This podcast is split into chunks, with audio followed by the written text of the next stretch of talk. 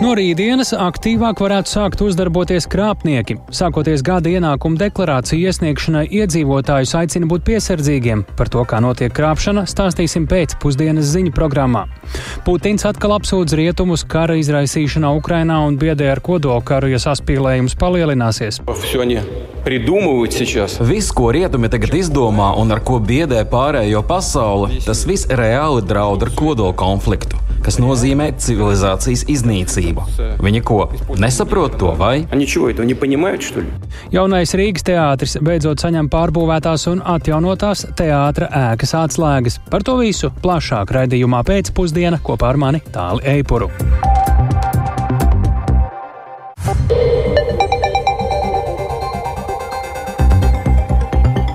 Ir 16,5 minūtes, skan pēcpusdienas ziņu programma, skaidrojot šodienas svarīgus notikumus. Studijā tālāk Eipurs. Labdien! Vēl par diennakti pagarināts sarkanais ūdens līmeņa brīdinājums Latvijas austrumu daļā tā ziņo vidas geoloģijas un meteoroloģijas centrs par situāciju pļaviņu ūdens krātuves augšdaļā. Šodien tur intensīvi blīvējas ledus masas, tāpēc ūdens līmenis turpinās paaugstināties Daugaus posmā Jēkabils zeļķi. Ūdens līmenim paaugstinoties, tur gaidām arī plaša teritorija aplūšana. Kā noskaidroja Latvijas radio, Jēkabils novadā no aplūdušām mājām šodien evakuēti pieci cilvēki. Daugava ir izkāpusi no krastiem krietnā platībā Krustpils pagastā, Salas pagastā un Sakas salā, kur vairākiem desmitiem māju ir aplūduši piebraucamie ceļi un ūdenī jau ir arī ēku pamati. Lai arī ledus sastrēgums pie pļaviņām šodien ir nedaudz sakustējies, ūdens līmenis aplūdušajās vietās pagaidām nav būtiski krities. Plašāk Sintīs Ambotas reportāžā. Jēkabpils novada Krustpils pagastā netālu no Zeļķu tilta aplūdušas lielas palieņu platības. Līdzās apdzīvotā vietā prīži aplūdas vietējais ceļš, nogriežot piebraukšanas iespējas vairākām mājsaimniecībām. Māju pamats šajā vietā ir ūdenī un tās ir atslēgtas no elektrības. Cilvēkus pie ēkām dienas vidū gana nesastopu, bet Krustpils pagastā un citviet Jēkabpilī Daugavas tuvumā ir daudz vietējo skatītāju, kas atzīst, ka šīs iedzīvotājiem ir neziņas laiks un arī pilsētnieki, kas šobrīd nav apdraudēti, jūt līdzi aplūdušo pagastu iedzīvotājiem. Citam ir nelaime, citam interesē. Nu, jā. Bet nu, vienkārši tā, vakar mēs bijām te, bija zemāks ūdens. Nu, šodien jau savādāk. Pa nakti jau ir uzplūdis. Ja? Jā. Un tur viena mājiņa ir, un tur pa kreisi. Un e, pagājušajā gadā tur bija tā, ka Tur pirtiņā ir atsevišķi, pirtiņā nebija ūdenī. Šogad jau ūdenī. Pirms pusstundas redzēju, ka glābēji ir laiva aizbrauca tā kā operatīvajā režīmā kādu glābt tur uz salas pusi, gan jau kādam tur nav labi. Nē, nu ir pārdzīvojumi visu laiku telefonā sēdēt un ik pa brītiņam skatīties, kur tur tie centimetri, kur tur krītās, kur tur ceļās, kur tur kā. Arī es tā pastaigāju, mana mīļākā pastaigas vieta ir pa dambi pastaigāt. Arī tagad es eju paskatīties, kā tur Man draugi dzīvo pie Daugavas tuvu un tā, nu, nu ir tāds nu, satraukums mazliet. Nav tā, ko baigi priecīgi mani tas neskar, es tagad tā nē. Nu, ir. Jūs arī tuvu Daugavai dzīvojat? Jā. Vai? Nu, es gan auseklīšu ielā tur, jā. jā. Bet nu, pagājušo gadu arī mums nāca un teica, ka esiet gatavi. Kopumā Jēkabpils novadā pat labāk aplūduši vairāki desmiti māju Krustpils pagastā, Sakas salā un Salas pagastā. No aplūdušajām mājām līdz dienas vidum Salas pagastā evakuēti trīs iedzīvotāji un Krustpils pagastā viena ģimene, bet lielākoties cilvēki paši uz laiku pārceļas no aplūdušajām vietām un palīdzību pašvaldībai nelūdz. Tikmēr Jēkabpils pilsētā tostarp pie aizsargdām, ja šogad situācija ir mierīga un pilsētā Daugavā ūdens līmenis ir zemāks. Pašvaldības vadītājs Raivis Ragainis no Zaļās partijas gan situāciju kopumā joprojām raksturo kā nestabilu, un jēkapilieši gaida, kad ūdens masas Daugavā ar vien vairāk sakustinās ledus sastrēgumu pļaviņās. Pašvaldības vadītājs iezīmē, ka plūdi jau radījuši gana lielu postu arī infrastruktūrai. Lejpus pilsētas, bet augšpus zeļķu tiltam problēmas paliek arvien lielākas, jo nu, tās aplūstošās platības paliek arvien lielākas. Un jāsaka, ka ceļš, kas ir Jēkabils sala Jaunjēlgava elektrības stabam vienam jau ir tāds izskalojums, ka varētu būt, ka drīzumā vajadzētu atslēgt arī šo elektrību un tas stabs varētu iegāzties ūdenī. Salā ir pieslēgums arī otrs ar kabeli droši vien, kad vienkārši tā būtu pārslēgšanās, bet viena barošanas sadaļa tiktu gan jau noņemta nost.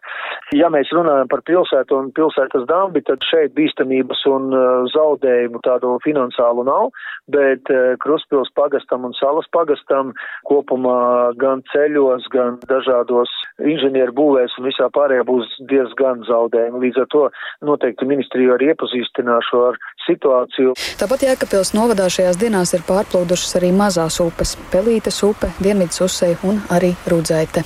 Sinti Amboti, Latvijas radio. Tātad vēl par dienu nakti pagarināts sarkanais ūdens līmeņa brīdinājums pļaviņu ūdenskrātuves augšdaļā.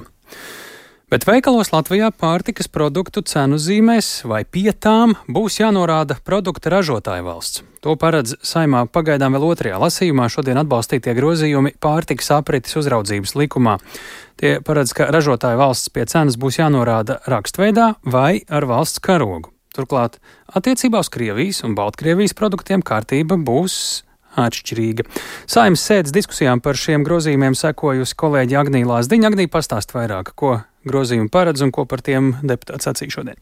Labdien! Jānorāda, ka iecerēts ir, ka būs iespēja izvēlēties norādīt vai šo karoga simbolu vai arī rakstveidā, taču regulējums gan neizslēdz iespēju tirgotājiem norādīt abus divus.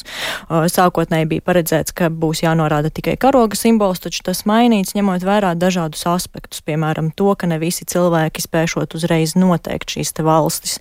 Un, lai gan otrajā lasījumā grozījumi atbalstīti, bez debatēm deputāti neiztika un lielākoties uzsvērts, ka grozījumi samazinās iespējas maldināt pircēju, jo šobrīd noteikts, ka cenu zīmēs jānorāda izcelsmes valsts tikai noteiktām pārtikas preču grupām, piemēram, gaļai, svaigiem augļiem un dārzeņiem.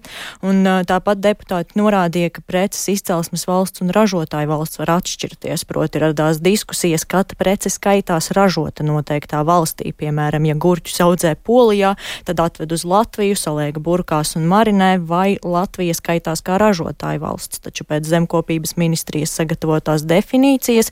Pārtikas ražošanas valsts ir tā valsts, kurā pārtika ir iegūta, vai arī valsts, kurā ar produktu ir īstenotas darbības, kas būtiski maina tā sākotnējo, šo sākotnējo produktu. Tiesa, ne visi deputāti pilnībā atbalsta šos grozījumus. Piemēram, deputā, deputāte Skaidrīta Ābrama no progresīvajiem norāda, ka tā kopumā ir laba ideja, taču tas būšot papildu apgrūtinājums gan tirgotājiem, gan arī pircējiem. Paklausīsimies viņas teikt teikto? Bet eh, vienlaikus es esmu pret pārmērīgiem regulējumiem un administratīvā sloga uzlikšanu uzņēmējiem, un šajā gadījumā konkrēti tirgotājiem, kas neapšaubāmi radīs papildu izmaksas. Bet eh, mēs taču zinām, ka visas izmaksas, kas tiek radītas tirgotājiem, nosedz kas? Nu, jau tirgotāji peļņa. Tās nosacām mēs, patērētāji. Un tad mēs šausmināmies, kāpēc ir tik lieli mazumtirdzniecības piecinājumi. Un tas mums tajā brīdī vairs nepatīk. Kā kompromisu deputāti ieteica ražotāju valsti norādīt tikai svaigiem produktiem, kā pienam vai zivīm, jo tie pircēju iepirkumu grozos veidojot lielāko daļu, taču šo priekšlikumu gan neatbalstīja, jo tas būtu pārāk šaurs. Nu, ko, eh, ir skaidrs, ka lielties šis ir stāsts arī par pārtiks precēm, kas ievestas arī no Krievijas un Baltkrievijas. Mēs arī zinām, ka Latvijā nav pilnīgs pārtiks produktu importa aizliegums no šīm divām valstīm, un daudzos arī rodas sašutums, ja ko tādu ieraugām veikalu plauktos. Cik saprotu, tad šo valstu pārtiks produktiem likuma grozījums grozījumi pievērš īpašu uzmanību. Ja? Jā, tur būs neliels izņēmums, proti informācija par Krievijā un Baltkrievijā ražotiem produktiem tirzniecības vietā būs jānorāda tikai rakstveidā, un deputāti to pamato ar vēlmi nepopularizēt agresoru valstis ar minēto valstu karogiem, un paklausīsimies deputāta Jāņa Vitenberga no Nacionālās apvienības teikto.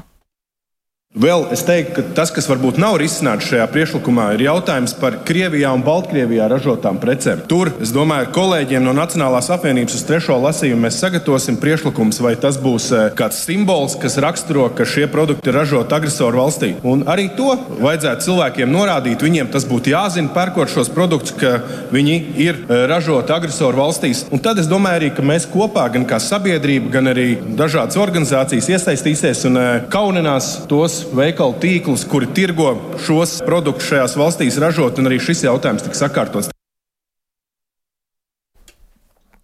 Plānots, ka jaunās prasības būs spēkā no 15. maija, taču, lai grozījumi stātos spēkā, tiesājumai jāatbalsta vēl galīgajā trešajā lasījumā. Paldies, Agnī, tik tālu par uzrakstiem vai karogiem pie pārtiks produktu cenu zīmēm veikalos. Bet nu, par pašu Krieviju tur vietējais diktors Vladimirs Putins šodien ikgadējā uzrunā parlamentam apsūdzēja rietums, ka tie ir savu retoriku it kā radot reālus kodoldraudus. Tāpat viņš atkārtoja mēlus par to, ka karu Ukrainā ir sākuši tieši rietumi, savukārt pašai Krievijai nekādu plānu uzbrukt Eiropas valstīm nemaz nesot un tiesot mūrgi. Kolēģis Rihards Plūme ir eh, klausījies eh, šo uzrunu un apkopojis secinājumus par to. Rihard, kāda tad bija šī ikgadējā uzruna? Putina uzruna parlamentam bija arī kaut kas jauns vai kādas nianses formulējumos, vai ir daudz kas jau dzirdēts, kam pievēršam ir uzmanība. Jā, labdien! Nu, patiesi daudz, kas jau dzirdēts iepriekš, un kā ierasts Putins savā uzrunā, kas ilga vairāk nekā divas stundas, atkārtoja ierastos melus, ka rietumi ir izprovocējuši konfliktu Ukrainā un arī tuvajos austrumos un citvien, citviet, kaut gan mēs zinām, ka Krievija pirms desmit gadiem pati anektēja Krimu un iebruka Donbasā. Un, Putina karu, jeb kā viņš to sauc, speciālo militāro operāciju, atbalstot nepārprotams Krievijas sabiedrības eh, vairākums, tā viņš ir norādījis. Un tagad šo it kā rietumu uzsākto karu Krievija tad novadīšot līdz galam ar uzvaru. Un viņš arī slavēja tautu, ka tā visi iesaistās kopīgās uzvaras veicināšanā un militārā industrija tagad raujoties eh, trīs eh, maiņās, lai apgādātu armiju. Eh, Ukrainā panākumi esot eh, un vairākos virzienos Krievija virzoties pārliecinoši uz priekšu, tā vismaz ir pēc Putina domām. Eh, realitāte gan liecina par kaut ko citu, un kā jau ierasts bija dižošanās gan par to, ka Krievijai ir dažādi moderni ieroči, raķetes, kas arī esot spējīgi dot triecienus Eiropas valstīm, ja nepieciešams. Savukārt Krievijas strateģisko kodolieroču arsenāls esot pilnā gatavībā arī darboties. Putins no rietumiem izskanējušās bažas, ka Krievija vēlas uzbrukt Eiropas valstīm, kā jau tu minēji, nosauc par murgiem, kaut gan viņš ir melojis pats par neuzbrukšanu tai pašai Ukrainai. NATO paplašināšanās dēļ tagad gan būšot jāstiprina spēki gar savu robežu, viņš piebilda. Rietumi paši ar savu retoriku, it kā provocējot kodolkaru, tā uzskata Putins, paklausīsimies īsi, ko viņš teica. Все они придумывают сейчас. Viss, ko rietumi tagad izdomā un ar ko biedē pārējo pasauli, tas viss reāli draud ar kodola konfliktu, kas nozīmē civilizācijas iznīcību. Viņi ko nesaprot to, vai? Они чего этого не понимают, что ли? Jā, nu kodoldraudi, protams, izskan ne pirmo reizi, lai gan tādi jau ir bijuši daudz un, un, un dažādi. Putins runāja arī priekšpolitiku par sociālo sfēru, dažādiem atbalsta pasākumiem, centās kliedēt bažas, ka iedzīvotāji nemaz nedzīvo tik slikti, un rekur lūk ir pierādījumi, ka Krievijā viss tikai attīstās un dzīvojam arvien labāk. Jā, Rikārd, šajā brīdī mums arī Citātiņš bija paredzēts tagad? Jā, ah, klausāmies. Mums jā. ir arī ārpolitikas institūta pētniece Elīna Vrobļevska, kura īsi nokomentējusi arī šo Putina mm. sarunu. Uzrunu. Jā, par šo te iekšpolitisko komponenti, nu, atkal šeit liels uzsvars tiek likts uz patriotisma tādu izjūtu kāpināšanu, uz to, ka Krievija, nu, tā kā pretojas joprojām kaut kādam uzspiestam šim te uztvertajam ASV diktātam. Svarīgi bija tas arī, ka Putins uzsvēra šo te ekonomikas un industrijas, teiksim, pārfokusēšanos uz šo te, nu, kā mēs to varam saukt, kara ekonomika, kara ražošanu. To viņš arī uzsvēra uzsvēra, bet tā galvenā tēze, kad viņš runāja par šīm te iekšpolitiskajām sfērām un jautājumiem, bija tieši tas uzsvērums uz to, ka Krievija ir spējusi izturēt, spējusi pretoties, viņi iet uz priekšu, un līdz ar to no vienas puses iedzīvotājiem nav par ko uztraukties, un iedzīvotāji, nu, tā kā varbūt patriotiski lepni par to, kāda tad Krievija ir un kā viņi sevi virza gan iekšpolitiski, gan ārpolitiski. Jā, nu Putina uzruna notika neilgi pirms tā dēvētajām vēlēšanām Krievijā, un viņš uzsver, ka Krievija turpinās attīstīt demokrātisku valsts iekārtu un neļaus nevienam iejaukties tās iekšējās lietās. Bet nu, par to, kāda demokrātija Krievijā valda, pareizāk nevalda, mēs laikam redzam un dzirdam to diezgan bieži. Tik tā par Putina uzrunu šodien, bet par spīti Krievijas pilnā apmēra iebrukumam un ļoti sarežģītai finansiālai situācijai Ukrainas valdība turpinās pensiju indeksāciju. No rītdienas 1. mārta aptuveni 10 miljoniem Ukrainas sirmgalvju līdz ar indeksāciju pensijas nedaudz pieaugs. Plašāk par to esam sazinājušies ar Latvijas radio korespondenti Ukrainā Indras Prānci. Sveika, Indra, cik tad liels būs šis pensiju pieaugums Ukrainā?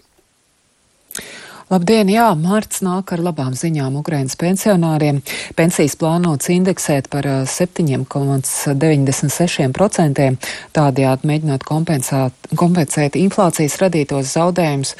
Ukrainā pensija aprēķināšanā un indeksācijas procesā tiek ņemt vērā ļoti daudz un dažādi rādītāji, un tiks palielināti arī atsevišķi koeficienti pensiju aprēķinos noteikti kategoriju cilvēkiem, līdz ar to pieaugums katram var būt savādāks. Šobrīd publiski publiski jau ir izskanējuši dažādi piemēri, situācijas modelētas, un no tā izriet, ka vidēji cilvēki, kas līdz šim pensijā saņēma mūsu naudā pārvēršot ap 240 eiro, no marta saņems par 19 eiro vairāk, bet cilvēki, kas mūsu naudā pārvēršot, uh, saņēma pensijas ap 120 eiro, dabūs klāt nepilnus 10 eiro. Šis pieaugums nav liels, bet ir ļoti būtisks veciem cilvēkiem, kuriem šis kara laiks tāpat jau ir ļoti smags. Un, kā zināms, Krievijas armija nešķiro, kur raida raķetes un dronus, un ļoti daudz cilvēku īpašumi ir izpostīti, visu mūžu uzkrātā iedzīve daudziem bijusi jāpamet. Tāpēc Ukraina savu iespēju robežās mēģina palīdzēt visneaizsargātākajām grupām, un tajā skaitā pensionāriem. Un atbalsts ir mērķēts mazāko un vidējo pensiju saņēmēju atbalstam Ar valdības lēmumu noteikts, ka pat lielāko pensiju saņēmējiem indeksācija um, nevar būt lielāka par 36 eiro pārvēršot mūsu naudā. Un šī ir jau trešā pensija indeksācija Krievijas pilna apmēra iebrukuma laikā, ko Ukraina veids. Tālim. Jā, Endri, zinot, cik sarežģītā situācijā finansiāli ir Ukraina, kā ir domāts finansēt šo izmaksu pieaugumu? Tas tomēr ir visai liels. Jā, pensijas pabalstus un citas sociālās vajadzības Ukraina šobrīd finansē no līdzekļiem, ko saņem no starptautiskiem partneriem, un šai ziņā ļoti būtisks ir Eiropas Savienības atbalsts. Atgādināšu, ka Eiropas Savienības dalību valstīm izdevās pārvarēt Ungārijas iebildums un bloks atbalstīja 50 miljārdu piešķiršanu Ukrainai uz četriem gadiem, un sagaidāms, ka pirmais maksājums no šī atbalsta pie, pienāks jau martā tie varētu būt 4,5 miljārdi eiro. Un šis atbalsts Ukraiņiem ir ļoti, ļoti svarīgs, jo Ukraina pilnīgi visus savus ienākumus nodokļu veidā Visu, kas ienāk budžetā, atvēl armijas uzturēšanai un valsts aizsardzības vajadzībām. Līdz ar to tādas lietas kā pensijas, pabalsti un algas valsts pārvaldē strādājošiem var tikt nofinansētas tikai pateicoties starptautisko partneru atbalstam.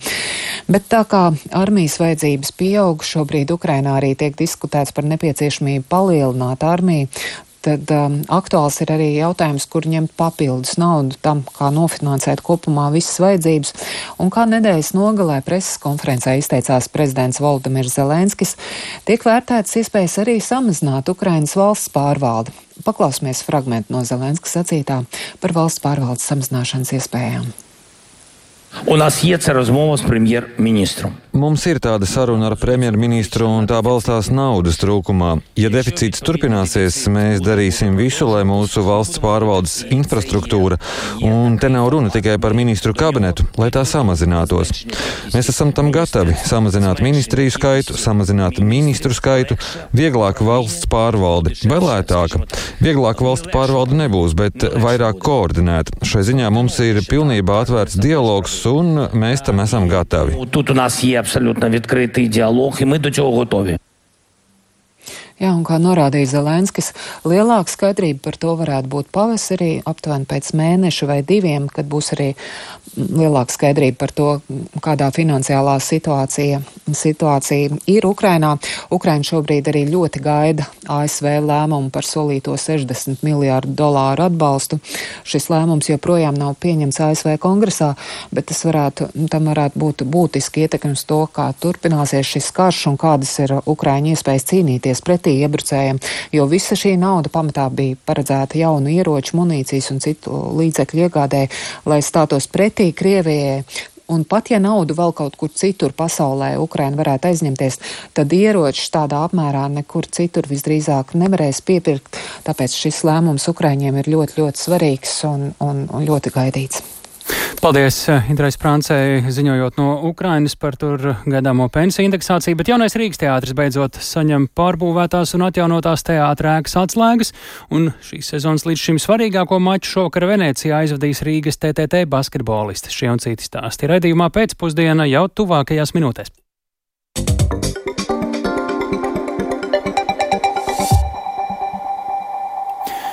Gada ienākuma deklarāciju iesniegšana valsts ieņēmuma dienestā sāksies jau rīt, 1. martā, tāpēc Finanšu nozara brīdina par pieaugošiem krāpniecības riskiem šajā laikā. Gan Finanšu nozares asociācija, gan atbildīgie dienesti aicina iedzīvotājus uzmanīties un izvērtēt savas darbības internetā. Ko iesaka eksperti un kā rīkoties šaubīgās situācijās, klausāmies Sandras Dieziņas ierakstā.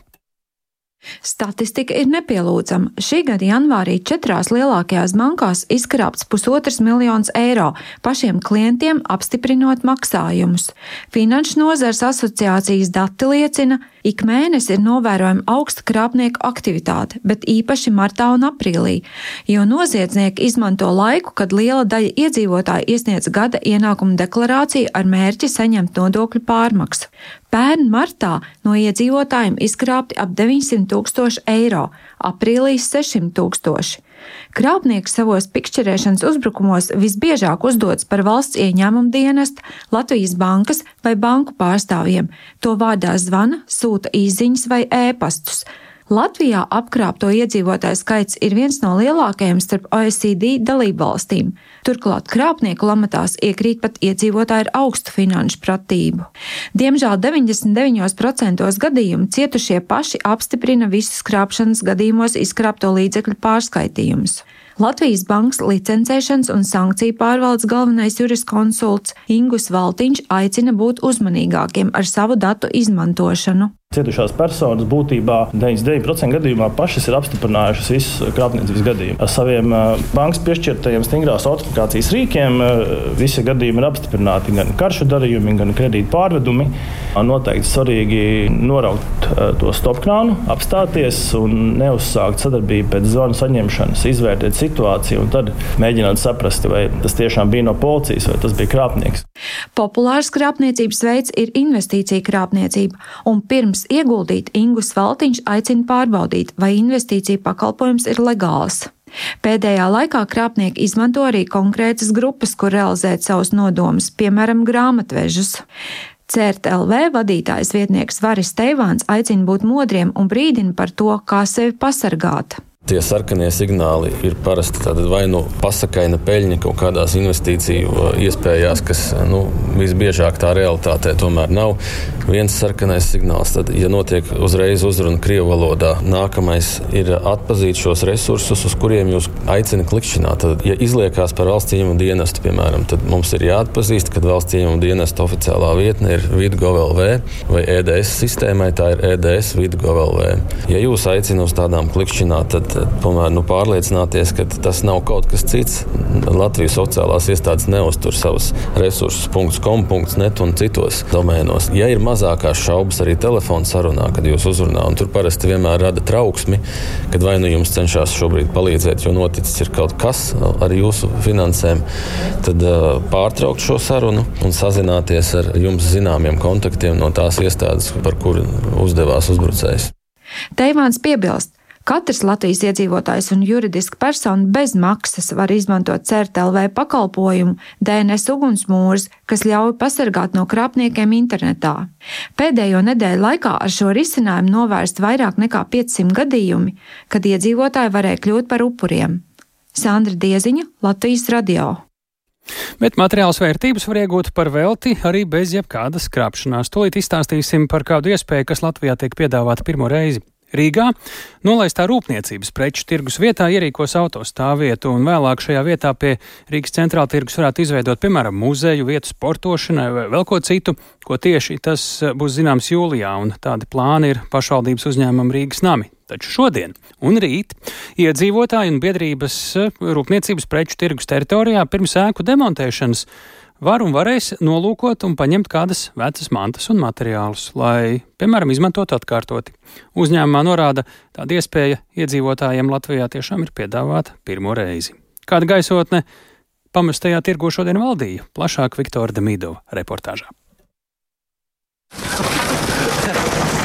Ar manāmu piepūli kāds pensionārs uz Vilhelma Purvīša ielas pusi, iepriekš dēvēto par Turģeņeva ielu, vēl kratus pilnus ar dažādām metāla konstrukcijām, galdam līdzīgu virsmu un krēslu. Es strādāju pie tirgus, tāpēc es zinu, kas jums interesē. Kas šeit bija? Man, man detāli pēc moduļiem. Kardāņčik tam, reduktors, tur eh, tie moduļi veci visi. Jā. Man tas vērtīgas šeit ir? Nu, jā, es jau strādāju. Vecajās pamestajās bodēs starp nolietotām riepām, Ziemassvētku rotājumiem, lāpstām, ziemas jakām un automašīnu lukturiem vērtīgu lūko arī rīdznieks Haralds. Es jums uzzināju, ka tā ir tāda zona, kur viss ir degradējies.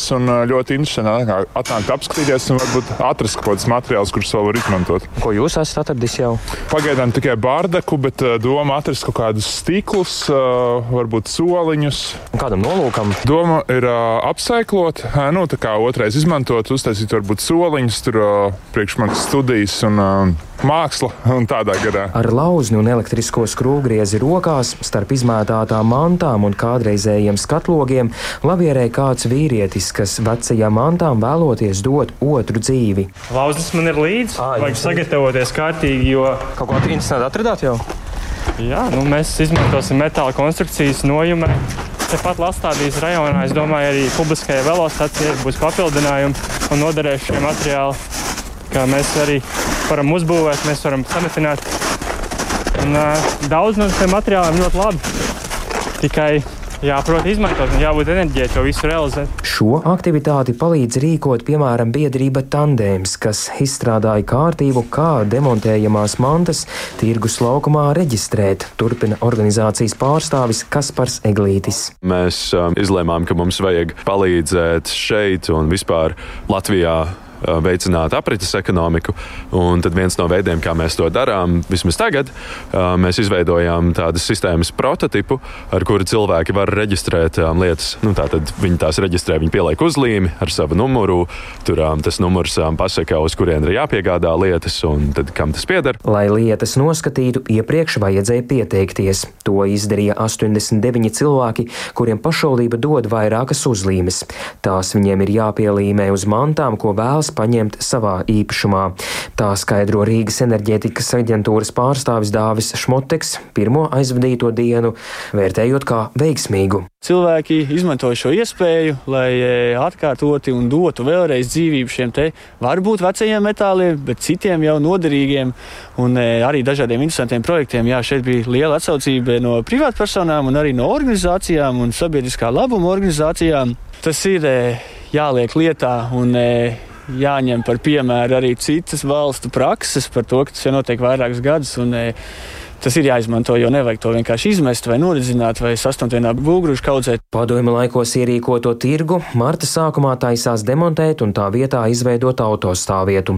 Kopējās izmaksas te uz 600 tūkstoši eiro.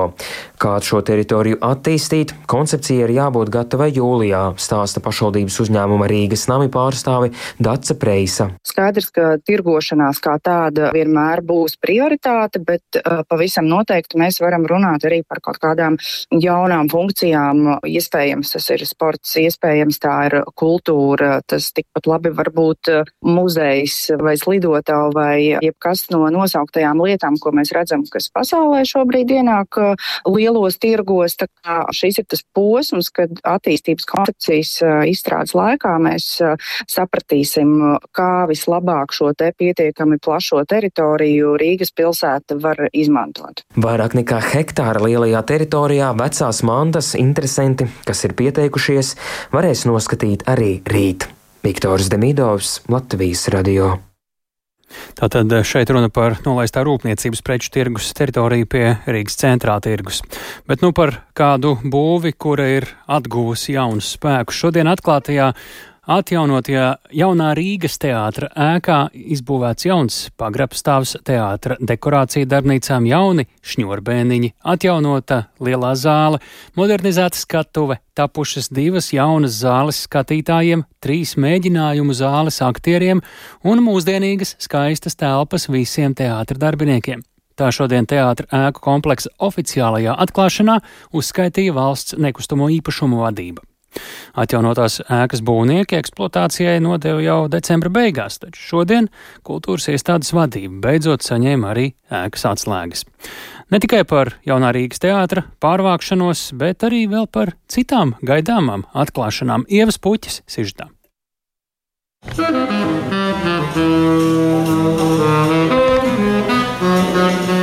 Saksofons, šampanietis, svētku runas un pēc tam ekskursija, kur vienu no grupām vadīja arī arhitekte Zaiga Gaile.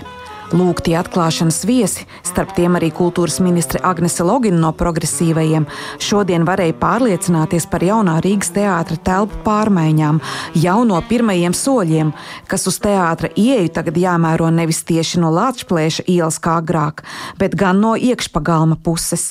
Arhitektei, kas paveiktajā noskatījās ar lielu gandarījumu, jautāju, kura viņai ir mīļākā vieta atjaunotajā jaunajā Rīgas teātrī. Vīna zāle. Kāpēc? Tā ir centrālā telpa, virs ieejas vestibīla, kur visi satiekās un svin. Patiešām grūtības, kas jaunajam Rīgas teātrim bija jāpārvar septiņos prombūtnes gados pielāgotās telpās tabakas fabrikā Miera ielā, bet Zaigai Gailei desmit desmit gadus sekojot rekonstrukcijai un pārbūvēi Lāčplēša ielas mājvietā, kur notika arī būvnieku maiņa no šodienas jau kļūst par pagātni. To runā uzsvēra arī teātra mākslinieckais vadītājs Alvis Hermanis. Protams, gāja traki, bet šodien mēs tiešām par visas tās peripētīs un kaislības aizmirstam. Tāpēc galvenais ir rezultāts, un, un, un rezultāts ir pilnīgi uh, zaigi fantastisks. Viņš ir labs, viņš ir brīnišķīgs. Atklāšanas pasākumā jaunajā zālē bija redzami arī aktieri Kaspars Notiņš, Čulpana Hamātova un Gundars Āboliņš. Taču drīz vien pat režisors Hermanis pameta svinību vietu, lai steigtos uz mēģinājumu vēl pagaidu telpās tabaks fabrikā.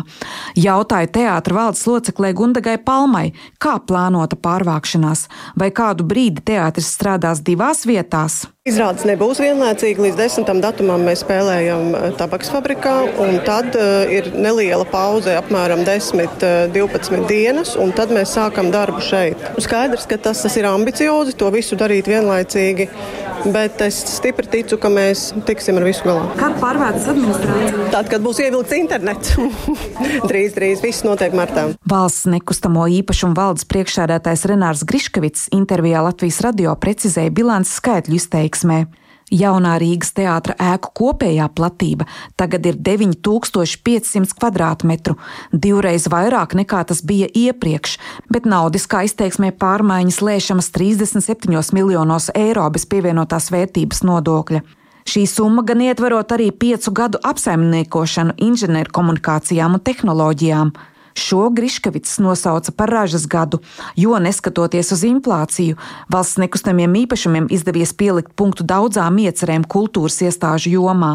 Tā ir tabakas fabrika, tas ir Riga Makerspace projekts, tā ir operas dekorācija darbnīcas izbūve, tas ir Valmieras drāmas teātris, rakstniecības un mūzikas muzejs arī tiks pabeigts šī gada pirmajā pusē. Bet jaunais Rīgas teātris skatītājiem durvis vērs 19. martā, kad atjaunotajā lielajā zālē būs pirmizrāde sapņu tulkotāju sekta. Iestudējums pēc Milorada Paviča romāna Hazāru vārnīca veidots Alvija Hermaņa režijā. Tas būs stāsts par kādu senu un teiksmainu tautu, kura pirms tūkstošu gadiem dzīvoja apmēram tajā pašā teritorijā, kur tagad Ukrainā izšķiras pasaules un arī mūsu liktenis, vēsta pieteikums teātra mājaslapā. Ieva Puķa, Latvijas radio. Tātad šodien atklāta jaunā Rīgas teātra atjaunotā ēka, ja precīzāk ēku komplekss. Bet šīs sezonas līdz šim svarīgāko maču šovakar Venecijā aizvadīs Rīgas TTT basketbolists pret vietējo Umana Rejeru komandu. Tā būs atbildes spēle par iekļūšanu Eiropausa pusfinālā. Pirmajā cīņā rīdzinieces zaudēja, bet treneri un spēlētājs ir apņēmības pilns tomēr sasniegt nākamo etapu šajā ļoti svarīgajā turnīrā. Vairāk par šodienas cīņu, tās nozīmīgumu un arī TTT izredzēm tikt tālāk. Tūdaļ mums ir gatavs plašāk izstāstīt un pavērtēt kolēģis Mārtiņš Kļavnieks. Mārtiņ, atgādini lūdzu, kā tad TTT nospēlēja pirmajā cīņā Rīgā un ko tās spēles rezultāts savukārt nozīmē šī vakara spēlē. Jā, sveiks tālu un sveicināt arī Latvijas radio pirmā kanāla klausītāji. Jā, nu tā tad um, pirmajā uh, šajā varētu teikt, uh, ja ne sērijas, tad uh, doļu summas mačā, jo divu maču summa tiek vērtēta Rīgā. TTT zaudēja 70 pret 83, tātad 13 punktu deficīts, bet jāpiebilst, ka spēles laikā mm, šie tā saucamie mīnusi bija arī vēl lielāki, bija pat 26 punktu deficīts, tātad uz pusi tomēr beigās izdevās to samazināt, un uh, tas arī bija tas, ka TTT parādīja raksturu spēles otrajā pusē un atspēlējās uh, līdz šiem mīnus 13. Ar tiem, tiem kabatā tā saukt, tā sacīt arī tagad dev, devušies, um, devušies šī komanda ir uz Venēciju, bet tas nozīmē, ka šovakar Venēcijas klubs jāuzvar ar vismaz 14 punktu pārsvaru, lai tiktu nākamajā kārtā. Tāli. Jā, Mārtiņ, ja mēs paskatāmies uz TTT šī vakara sastāvu, vai tas izskatās iespējams spēcīgākais vai ne? Vai kā tur ir? Jā, var sacīt, ka iespējams spēcīgākais, jo ir viens papildinājums. Nu, skaidrs, ka turnīra laikā nevar pieteikt jaunas spēlētājas, bet uh, nedēļas nogalē pēc vairāk nekā trīs mēnešu pauzes, piespiedu pauzes, traumas dēļ, laukumā atgriezās amerikāņu centra spēlētāja Dekija Koena, un tas tad šovakar būs papildinājums. Tiesa, nu, tomēr lietpratēji saka, ka pārāk milzīgas cerības nevajadzētu likt uz, uz jā, tieši šo amerikāņu centra spēlētāju spēlētāji, jo galu galā tomēr viņi ir pēc traumas. Piemēram, TTT galvenais treneris Mārtiņš Gulbis Latvijas Basketbola Savienības raidierakstā Basket studija 2 plus 1 sacīja, ka galvenais šodien būs jau no paša spēles sākuma spēlēt pēc plāna. Ieklausāmies, ko saka Mārtiņš Gulbis tie trīs tāmetieni būtībā spēlē atkal es, kas jau tāds nav. Mūsdienu basketbolā tas tiešām nav nekas.